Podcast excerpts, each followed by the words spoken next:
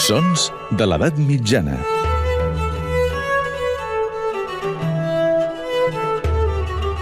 Amb Maria Montes.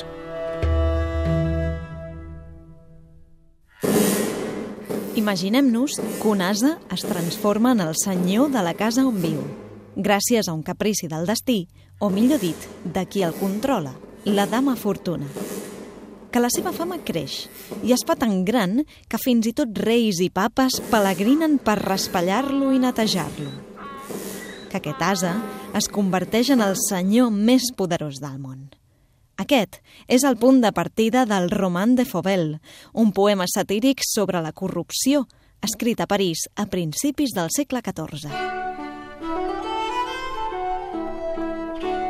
El text s'atribueix a Gervais de Bue, precisament un empleat de la Cancelleria Reial. Segueix l'estil alegòric d'altres textos com el Roman de la Rose, on virtuts i vicis es personifiquen i actuen com un personatge més.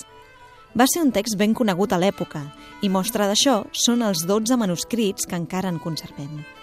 Justament, en un que es conserva avui a la Biblioteca Nacional de París, hi trobem una aportació diferent, notació musical.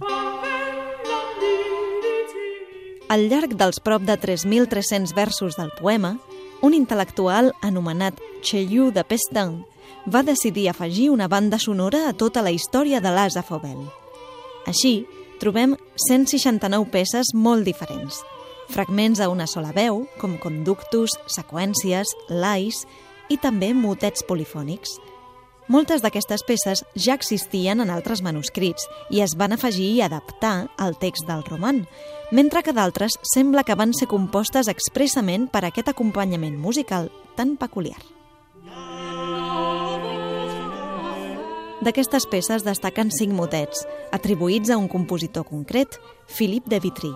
El seu tractat teòric Ars Nova Notandi havia donat nom a una manera de fet diferent, l'Ars Nova, i les innovacions que hi presentava es podien sentir a les seves obres, com aquests motets del Roman de Fauvel.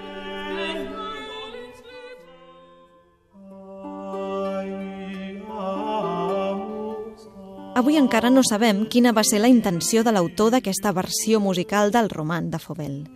Potser volia recopilar una antologia de melodies que lliguessin amb el contingut del poema. Potser havia anat més enllà i havia imaginat una representació teatral. En qualsevol cas, aquesta història de corrupció no deixa de resultar familiar, gairebé 700 anys més tard.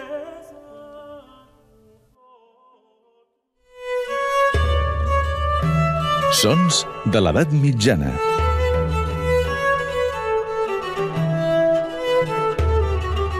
Amb Maria Montes.